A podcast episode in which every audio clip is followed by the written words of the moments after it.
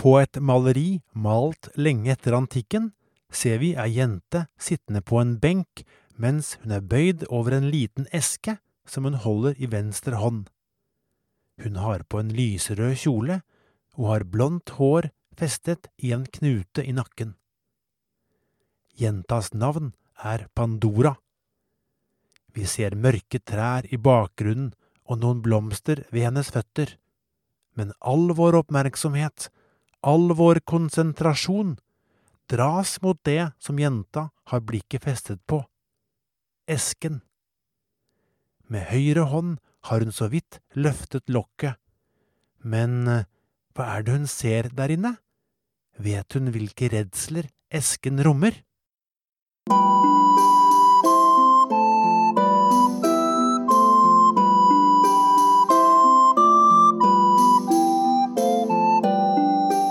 Velkommen til Helter og legender fra antikken, en podkast for unge. Episode 10 Pandoras eske Gresk mytologi er full av fascinerende legender om guder, halvguder og andre vesener med overnaturlige egenskaper. Noen av disse legendene er blitt gjenfortalt gjennom tusenvis av år, og er så kjente at de er med oss den dag i dag for eksempel i film, bøker og i språket vårt. Dette gjelder legenden om Pandoras eske, som er tema for denne episoden. Noen har kanskje en viss idé om hva legenden handler om, for andre er den ukjent. Men selv om det ringer en bjelle hos noen, er det få som kjenner til legendens opprinnelse og hva esken egentlig inneholdt. Men eh, såpass kan jeg si allerede nå. Pandoras eske bringer ikke noe godt. Med ett viktig unntak. Uttrykket å åpne Pandoras eske brukes om situasjoner hvor en handling som eh, kanskje ikke virker så stor eller viktig, får uventede og negative følger. Tenk deg at du legger ut et fleipete, men litt nedsettende innlegg om en annen person på sosiale medier i en lukket gruppe, og at noen så deler innlegget slik at det blir synlig for alle. Forestill deg alle de lite hyggelige kommentarene du ville få.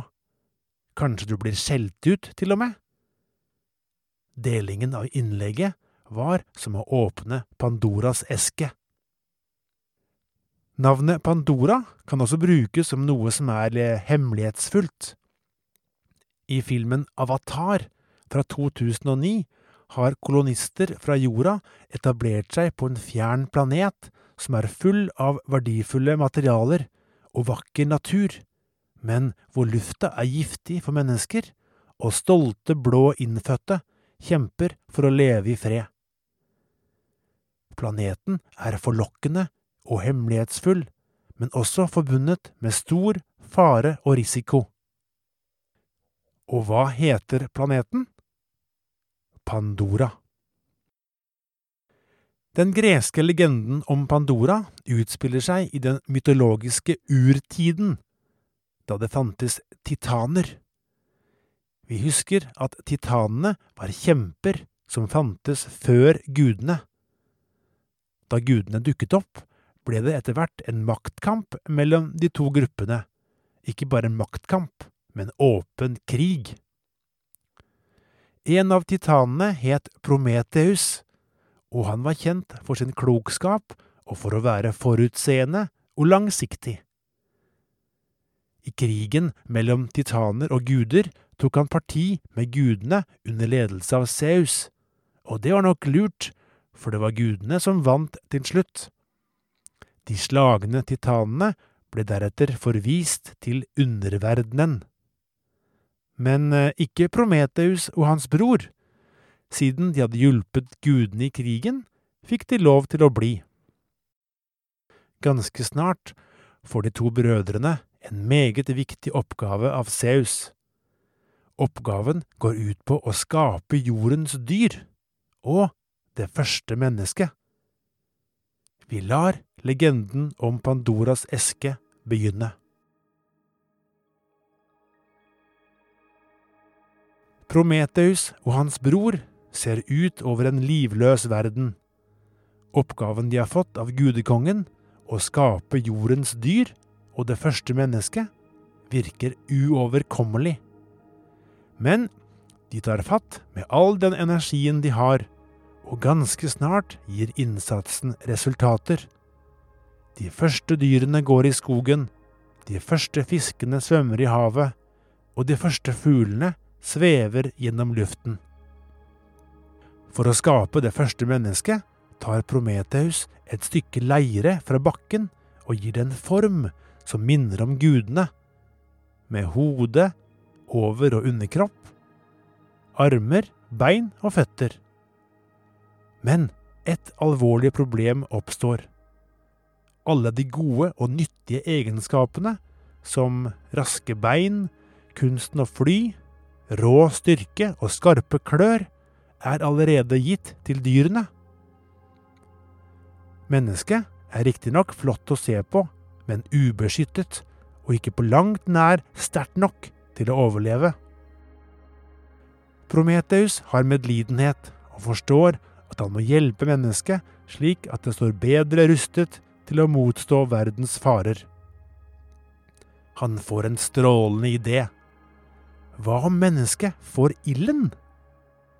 Ild vil være nyttig for å forsvare seg mot farlige dyr, og vil kunne tjene menneskene på en rekke andre måter. Det er bare ett problem. Ilden befinner seg hos gudene på Olympusfjellet, og Prometheus vet at de overhodet ikke er interessert i å dele den med menneskene. Han reiser likevel opp til fjellet og klarer, ved kløkt og list, å stjele ilden. Han bringer den tilbake og gir den som gave til menneskene. Det er trolig den viktigste gaven som menneskene noensinne har fått. Men når Saus oppdager hva som har skjedd, blir han rødglødende av raseri.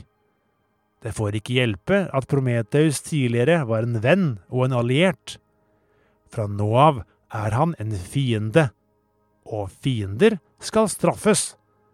Og ikke bare den usle menneskevennen Prometheus skal få unngjelde, også menneskene skal få sin straff. Saus legger en utspekulert plan. Han vil sende dem en gave. En gave som er fin på utsiden, men som har et innhold som vil hjemsøke og plage dem i all framtid. Han beordrer de andre gudene til å hjelpe til. Det første de gjør, er å forme en ung kvinne av jord. Hun er den første menneskekvinnen som gudene skaper, og er yndig, uskyldig og vakker å se på. Navnet hun får, er Pandora. Men egenskapene hun gis, er slett ikke av den yndige sorten. Gudene gir henne riktignok flotte klær og smykker, men hun blir også utstyrt med evnen til å bedra og evnen til å lyve. Dette er ille, men det aller verste gjenstår. For når Pandora sendes ned til Prometheus og menneskene, har hun med seg en eske. I den har Seus lagt menneskenes verste redsler. Redsler i form av tyngende sorg, dødelige sykdommer, grufull smerte og en mengde andre byrder. Men eh, boksen inneholder én ting til, som er noe ganske annet. Saus sender Pandora av sted, og er veldig fornøyd med seg selv. Han gleder seg til å se fortsettelsen og fullbyrdelsen av hevnen. Han blir ikke skuffet. Nede på jorden er Prometheus urolig. Han har begått tyveri og kan vente seg hevn fra himmelguden selv. Han vil nekte å ta imot enhver gave eller gest fra Seus. Det kan jo være en felle. Men broren hans bærer ikke på samme uro. det skal vise seg å bli fatalt. Når Pandora plutselig står foran dem i all sin ynde, greier ikke broren å stå imot henne. Prometheus protesterer så kraftig han kan, men broren er trollbundet og aksepterer henne som gave fra Zeus. Pandora, som hele tiden har vært nysgjerrig på eskens innhold, opptrer akkurat som Zeus har planlagt. Hun åpner esken, og alle verdens redsler strømmer ut. Effekten gjør seg gjeldende umiddelbart. Sykdom, smerte og død brer om seg. Alle forstår at verden fra nå av vil bli et vondere sted å leve. Den kommer aldri til å bli den samme. Men så skjer noe overraskende. Det er én kraft igjen i esken. Håp. Rett før håpet smetter ut og forsvinner for alltid, legger Pandora på lokket. Håpet er reddet. Selv om verden vil bli et mer plaget sted, vil menneskene alltid bevare håpet. Håpet om at verden kan bli et godt sted å leve. Slik slutter legenden om Pandoras eske. Noen lurer kanskje på hvordan det gikk med ildtyven Prometheus. Svaret er at det gikk dårlig. Skikkelig dårlig. Zeus fikk han lenket fast til et fjell, hvor det hver dag kom en svær ørn som hakket på og spiste av leveren hans. I løpet av natten vokste leveren sammen igjen, slik at den samme smertefulle seansen gjentok seg hver eneste dag, herfra til evigheten. Når det gjelder Pandora selv, er hennes videre skjebne uviss. Men én ting er på det rene, nemlig at det vi i dag kaller eske, egentlig var en krukke. At feil ord brukes, skyldes en oversettelsesfeil begått av en lærd nederlender i middelalderen. Så legenden burde egentlig hete Pandoras krukke. Det spiller antagelig ikke så veldig stor rolle, for poenget i historien er likevel det samme, og i dag er Pandoras eske for lengst innarbeidet i språket vårt. Dette var alt for denne gang. I kommende episode skal vi tilbake til mer krigerske temaer, for snart står de greske bystatene overfor en dødelig trussel.